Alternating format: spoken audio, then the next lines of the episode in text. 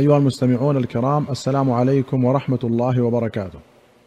في كتاب الأشربة أخرج البخاري رحمه الله عن جابر بن عبد الله رضي الله عنهما قال نهى رسول الله صلى الله عليه وسلم عن الظروف فقالت الأنصار لا بد لنا منها. قال فلا إذن. الظروف الأوعية والنهي عن الانتباذ فيها لأنه قد يتخمر دون علمهم. وقوله فلا إذن أي فلا نهي عنها ما دمتم تحتاجون إليها.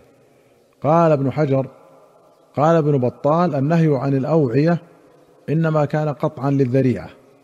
فلما قالوا لا بد لنا منها قال انتبذوا وكل مسكر حرام. وهكذا الحكم في كل شيء نهي عنه بمعنى النظر إلى غيره فإنه يسقط للضرورة. كالنهي عن الجلوس في الطرقات فلما قالوا لا بد لنا منها قال فأعطوا الطريق حقها وقال الخطابي ذهب الجمهور إلى أن النهي إنما كان اولا ثم نسخ وذهب جماعة إلى أن النهي عن الانتباذ في هذه الأوعية باق والأول أصح. وأخرج البخاري ومسلم رحمهما الله عن أبي موسى الأشعري رضي الله عنه قال قلت يا رسول الله أفتنا في شرابين كنا نصنعهما باليمن البتع وهو من العسل ينبذ حتى يشتد والمزر وهو من الذرة والشعير ينبذ حتى يشتد. قال وكان رسول الله صلى الله عليه وسلم قد أعطي جوامع الكلم بخواتمه. فقال أنهى عن كل مسكر أسكر عن الصلاة. وفي رواية قال كل مسكر حرام. قوله أعطي جوامع الكلم بخواتمه أي إيجاز اللفظ مع تناوله المعاني الكثيرة جدا. وقوله بخواتمه أي كأنه يختم على المعاني الكثيرة التي تضمنها اللفظ اليسير فلا يخرج منها شيء عن طالبه. وأخرج مسلم رحمه الله عن بريدة رضي الله عنه أن رسول الله صلى الله عليه وسلم قال كنت نهيتكم عن الأشربة في ظروف الأدم أي الجلود فاشربوا في كل وعاء غير أن لا تشربوا مسكرا. وفي رواية نهيتكم عن النبيذ إلا في سقاء فاشربوا في الأسقية كلها ولا تشربوا مسكرا. وفي أخرى أنه قال نهيتكم عن الظروف وإن الظروف أو ظرفا لا تحل شيئا ولا تحرمه وكل مسكر حرام.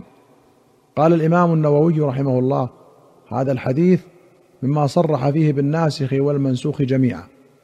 قال العلماء يعرف نسخ الحديث تارة بنص كهذا وتارة بإخبار الصحابي. ككان آخر الأمرين من رسول الله صلى الله عليه وسلم ترك الوضوء مما مست النار وتارة بالتاريخ إذا تعذر الجمع وتارة بالإجماع كترك قتل شارب الخمر في المرة الرابعة والإجماع لا ينسخ لكن يدل على وجود ناسخ. وأخرج مسلم عن ابن عباس رضي الله عنهما أن رجلا أهدى لرسول الله صلى الله عليه وسلم راوية خمر فقال له رسول الله صلى الله عليه وسلم هل علمت أن الله حرمها؟ قال لا. قال فسار إنسانا إلى جانبه. فقال له رسول الله صلى الله عليه وسلم بما ساررته؟ قال أمرته ببيعها. فقال إن الذي حرم شربها حرم بيعها. ففتح المزاد حتى ذهب ما فيها. قوله راوية خمر أي قربة مملوءة خمرا. وقوله فتح المزاد هكذا وقع في أكثر النسخ جمع مزادة. وفي بعضها المزادة بها وسميت راوية لأنها تروي صاحبها ومزادة قيل لأنه يتزود فيها الماء في السفر وغيره وقيل لأنه يزاد فيها جلد لتتسع. قال النووي وفي قوله ففتح المزاد دليل لمذهب الجمهور أن أواني الخمر لا تكسر ولا تشق بل يراق ما فيها وعن مالك روايتان إحداهما كالجمهور والثانية يكسر الإناء ويشق السقاء وهذا ضعيف لا أصل له. وأما حديث أبي طلحة أنهم كسروا الدنان فإنما فعلوا ذلك بأنفسهم من غير أمر النبي صلى الله عليه وسلم. وأخرج الشيخان رحمهما الله عن ابن عمر رضي الله عنهما أن عمر قال على منبر رسول الله صلى الله عليه وسلم أما بعد أيها الناس فإنه نزل تحريم الخمر وهي من خمسة. وفي رواية ألا وإن الخمر نزل تحريمها يوم نزل وهي من خمسة أشياء من العنب والتمر والعسل والحنطة والشعير والخمر ما خامر العقل.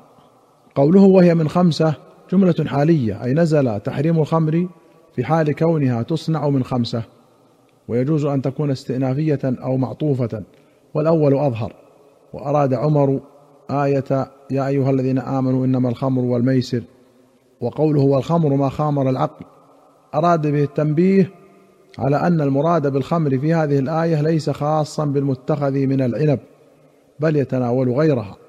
وقد جاء هذا عن النبي صلى الله عليه وسلم صريحا في حديث أبي موسى السابق أنهى عن كل مسكر. وفي رواية كل مسكر حرام. قال ابن حجر واستدل بمطلق قوله كل مسكر حرام على تحريم ما يسكر ولو لم يكن شرابا. فيدخل في ذلك الحشيشة وغيرها. وقد جزم النووي وغيره بأنها مسكرة. وجزم آخرون بأنها مخدرة وهي مكابرة لأنها تحدث بالمشاهدة ما يحدث الخمر من الطرب والنشوة والمداومة عليها والانهماك فيها.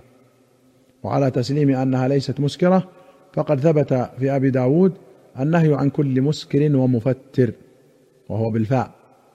وأخرج مسلم عن أنس رضي الله عنه أن رسول الله صلى الله عليه وسلم سئل عن الخمر أتتخذ خلا؟ قال لا. بوب عليه مسلم رحمه الله بقوله باب تحريم تخليل الخمر. قال النووي هذا دليل الجمهور أنه لا يجوز تخليل الخمر ولا تطهر بالتخليل إذا خللها بخبز أو بصل أو خميرة أو غير ذلك مما يلقى فيها. فهي باقية على نجاستها وينجس ما ألقي فيها ولا يطهر هذا الخل بعده ابدا لا بغسل ولا بغيره. وأجمعوا أنها إذا انقلبت بنفسها خلا طهرت. وأخرج البخاري ومسلم عن ابن عمر رضي الله عنهما أن النبي صلى الله عليه وسلم قال من شرب الخمر في الدنيا ثم لم يتب منها حرمها في الآخرة. ولمسلم قال كل مسكر خمر وكل مسكر حرام. ومن شرب الخمر في الدنيا ومات وهو يدمنها لم يتب منها لم يشربها في الآخرة. وأخرج مسلم عن جابر رضي الله عنه أن رجلا قدم من جيشان وجيشان من اليمن. فسأل رسول الله صلى الله عليه وسلم عن شراب يشربونه بأرضهم من الذرة يقال له المزر. فقال رسول الله صلى الله عليه وسلم أو مسكر هو؟ قال نعم. قال كل مسكر حرام. وإن على الله عهدا لمن يشرب المسكر أن يسقيه من طينة الخبال. قالوا يا رسول الله وما طينة الخبال؟ قال عرق أهل النار أو عصارة أهل النار. وأخرج البخاري عن أبي الجويرية قال سألت ابن عباس عن الباذق. فقال سبق محمد الباذق. فما أسكر فهو حرام. قال عليك الشراب الحلال الطيب. قال ليس بعد الحلال الطيب. إلا الحرام الخبيث. الباذق بفتح الذال المعجمة وكسرها عصير العنب إذا طبخ حتى يسكر. وربما كان معربا من باذة وهي الخمر بالفارسية. وقوله سبق محمد الباذق أي سبق حكمه أن ما أسكر حرام مهما غيروا أسماءها. قال ابن تيمية في الفتاوى الكبرى يشبه أن يكون استحلالهم الخمر يعني به أنهم يسمونها بغير اسمها كما جاء الحديث فيشربون الأنبذة المحرمة ولا يسمونها خمرا. وأخرج أحمد والنسائي عن ابن محيريز عن رجل من أصحاب النبي صلى الله عليه وسلم وأخرج ابن ماجة وأبو داود وابن حبان والطبراني في الكبير والبيهقي في السنن عن أبي مالك الأشعري بسند حسن عن النبي صلى الله عليه وسلم يقول ليشربن ناس من أمة الخمر يسمونها بغير اسمها. وزاد ابن ماجة وابن حبان والطبراني والبيهقي ويضرب على رؤوسهم بالمعازف والقينات وفي رواية والمغنيات. يخسف الله بهم الأرض ويجعل منهم قردة وخنازير. القينات جمع قينة وهي الأمة المغنية. قال في المرقاه يسمونها بغير اسمها أي يتسترون في شربها بأسماء الأنبذة المباحة كماء العسل وماء الذرة ونحو ذلك ويزعمون أنه غير محرم وهم كاذبون لأن كل مسكر حرام. أيها المستمعون الكرام إلى هنا نأتي إلى نهاية هذه الحلقة. حتى نلقاكم في حلقة قادمة إن شاء الله. نستودعكم الله. والسلام عليكم ورحمة الله وبركاته.